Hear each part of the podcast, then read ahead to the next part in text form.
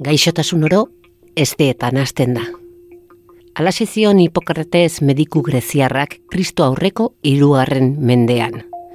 Eta etzegoen oker. Virusak, bakterioak, onjoak, milioika bizi dira esteetan. Bilioika. Mikrobiota osatzen dute eta azken aurkikuntzek medikuntzaren iraultza ekarri dute.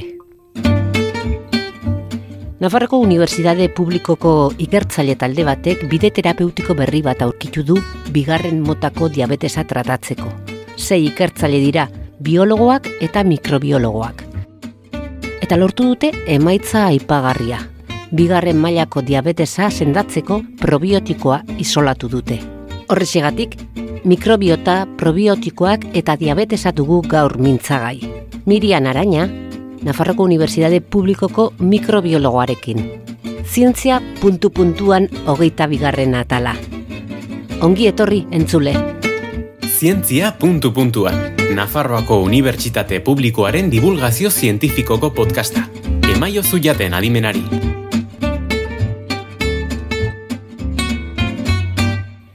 Mirian Araña, esteetako bakteria horiei so bizida azken urteotan. Egunon. Egunon. Erdi gizaki, erdi bakteria algara. Ba, azken ikerketen arabera, gizaki estandar batek, hogeita mar, bilioi zelula, eta hogeita mezortzi bilioi bakterio inguru dituela kalkulatu da. Beraz, gure adina eta tamainaren arabera, giza zelula bakoitzeko bat koma iru, bi koma iru bakterio ditugu. Ikusi dugu ez, e, batzuk oso kaltegarriak direla, beste batzuk ez direla kaltegarriak, eta beste asko ezinbestikoak dira gure eguneroko bizitzan. Mikroorganismo horiek baduten onbait eragina gure pentsakeran, gure sentimentuetan eta gure osasunean. Bakterioek honegin dezaketela pentsatzea gauza berria da. Zer dakigu horretaz zenetaz midian? Gutxi dakigu, baina gero eta gehiago jakiten ari gara eta esan duzun bezala, gure inguruan dauden mikroorganismo horiek eragin zuzena daukate gure eguneroko bizitzan eta osasunean. Egia da, ditugun mikroorganismo gehienak ez ezagunak direla edo patogenoak ez direnez, ba, orain arte ez dugula beraiengan begirada jarri. Orduan, ba, interesgarria da mikroorganismo hoien funtzioa zein den ondo, ondo ikertzea. Medikuntzan geroz eta leku gehiago hartzen ari da esteetako mikrobiota. Iluraturik ditu ikertzaileak. Zergatik? Mikrobiota, ba, inguru giro jakin batean bizi diren mikroorganismo guztien multzoa da. Gure kasuan, organismoan, gure larruazalean eta baita organismo barruan ere ditugun bakterio, arkea, protozo, virus, ontxo, guzti hauen multzoa izango litzateke mikrobiota. Adibidez, estetako mikrobiota izango litzateke. Bertan ditugun mikroorganismo multzoa. Konkretuki estetako mikrobiotak funtzio onuragarri asko ditu organismoan, adibide batzuk infekziotatik babesten gaituzte, elikagaiak digeritzen laguntzen gaituzte, vitaminak eta beste sustantzia batzuk sortzen dituzte, immunitate sistema orekan mantentzen laguntzen dute, eta gainera organismoan ditugun beste organoekin ere komunikatzen da estetako mikrobiota. Jakin badakizue neurri handiagoan edo txikiagoan mikrobio horiek eragina dutela koloneko tabularreko minbizian, depresioan baita ere, alergietan, nizu batez ere ikertzen duzuna da diabetis, gaixotasuna. Hortan ari zara azkeneko urteotan. Bai, gure ikerketa lanak probiotikoen eta diabetesaren inguruan zentratzen ari dira. Diabetesa erlazionatu dela estetako mikrobiota honen desorekarekin. Bai, eta orduan guk kertzen duguna da, ba, nola hobetu dezakegun disbiosi edo desoreka hori hainbat tratamendu edo hainbat probiotiko administrat. Eta nola egiten duzue, froga hori, ikerketa hori nola egiten da? Bai, animalia ereduekin egiten dugu lan, xagu eta arratoiekin, eta eredu hauetan gaixotasun diabetikoa simulatzen dugu. Gero, tratamendu gisa, ba, probiotiko bat ematen dugu, eta tratatu gabeko animaliekin alderatzen ditugu emait. Eta orain arte lortu dituen emaitzaren artean, ba, garrantzitsuena, lortu dugu isolatzea eta patentatu egin dugu pediokoko handui bat. Ongi gogoratu izen hori, pediokoko azidilaktitxi. Genbioma enpresarekin batera, probiotiko mota bat edo bakterio familia berezi baten barruan agertzen da pediokoko azidilaktitxi e, handui hau eta frogatu dugu efektu onuragarriak e, dituela odoleko glukosa mailak normalizatzen dituelako eredu hauetan. Urrengo pausua entxegu klinikoak garatzea izango litzateke. Efektu onuragarri hori ba, pazienteengan ere ikusten dela egiaztatzeko. Oso emaitza ona, ez? Bai, momentuz bai, espero dezagun hori pazienteekin ere ba, hildo beretik jarraitzea. Garrantzitsua da orain ba, datu horiek entxegu kliniko batean kontrastatzea. Dieta oso garrantzitsua da gaixo hauetan eta olako suplementu bat garatzen badugu, ba, aukera gehiago izango dituzte. Nafarroko Unibertsitate Publikoko Osasun Zientzien Fakultatean, Biokimika eta Biologia Molekularraren laborategietan, sei ikerlari, sei urtez lanean egin dute aurkikuntza hau egiteko. Jakin min handia dutenentzat, adimen erneko jendearentzat, zientzia puntu puntuan. Zientzialariek behin eta berriz esaten dute gutxi dakitela, baina gauza bat argi dute. Bigarren burmuin bat dugu estean, gainerakoekin hartu emanean dena. Badago hor konexio zuzen bat nerviosistemarekin estea eta garunaren artean. Esteari batzutan bigarren garuna ere deitzen zaio konexio zuzenean daude, ba, estetan ditugun mikroorganismo guzti horiek, ba, hainbat hormona eta seinale bidaltzen dituelako ba, garunara adibidez. Bi kilo inguru izan ditzazke. Zure garuna baino handiagoa da. Estetan ditugu gehienak, baina badira ere gorputzaren beste organoetan. Baditugu larrua zalean, ahoan, vaginan, batez ere kanpokaldearekin kontaktuan dauden bazona hoiekin. Mikrobioma bakoitza bakarra da. Ez daude bi berdin. Eta etengabe aldatzen omen dira adinarekin, ohiturekin, elikadurarekin edo sendagaien konsumoarekin.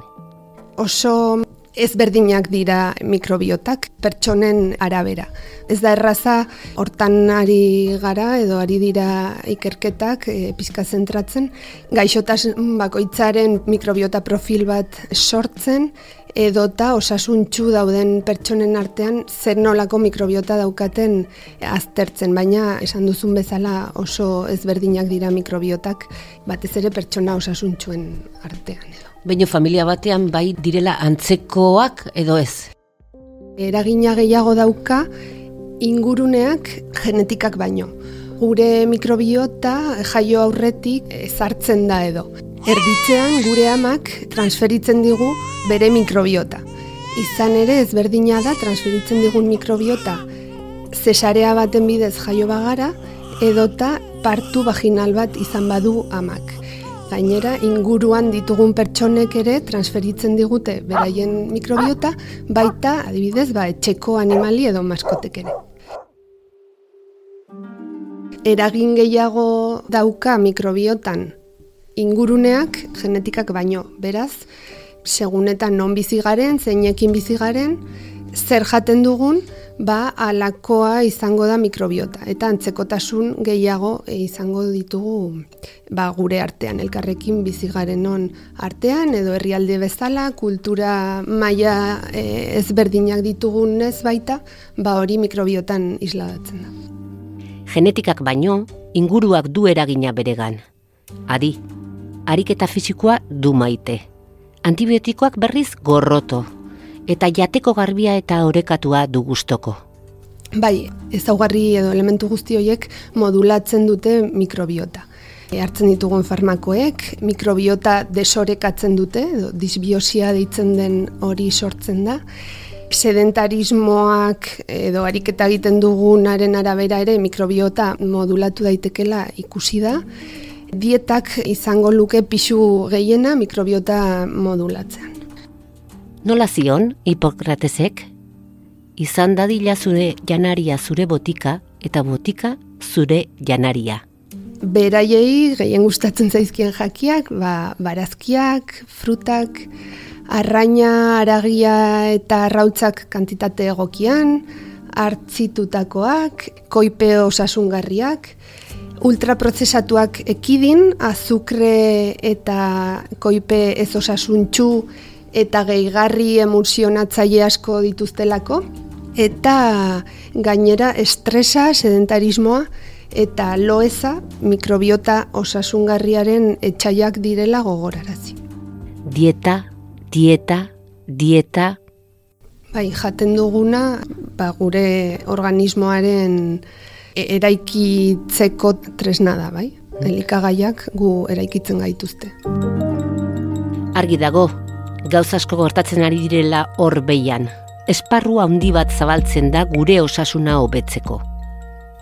Bai, printzipioz mikrobiota erresilientea izan beharko litzateke, bai? Orduan, desoreka bat sortzen denean, antibiotiko bat hartu gulako, edo gaixotasun baten aurrean, edo kanpoko zerbait modulatu delako, gure mikrobiota gai izan beharko zen orekara joateko, ez? bera bakarrik. Baina gure mikrobiota e, ba, gaur egun ez, ez da osasuntsua edo.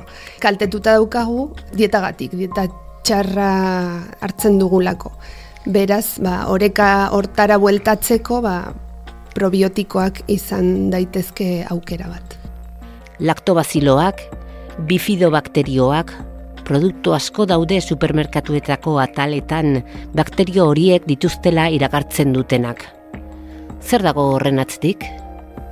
Bai, e, probiotikoak elikagai mota desberdinen komposizioaren parte izan daitezke. Ez? Ba, jogurtean, badaude, kefirrean, kantitate egokian hartzaileari osasunerako onurak sustatzen dizkionak gaur egun ez dago argi edo ez dago mm, legediarik, ez dago zerrendarik eta ez dakigu ze probiotikok eragina daukan osasunaren onura hortan.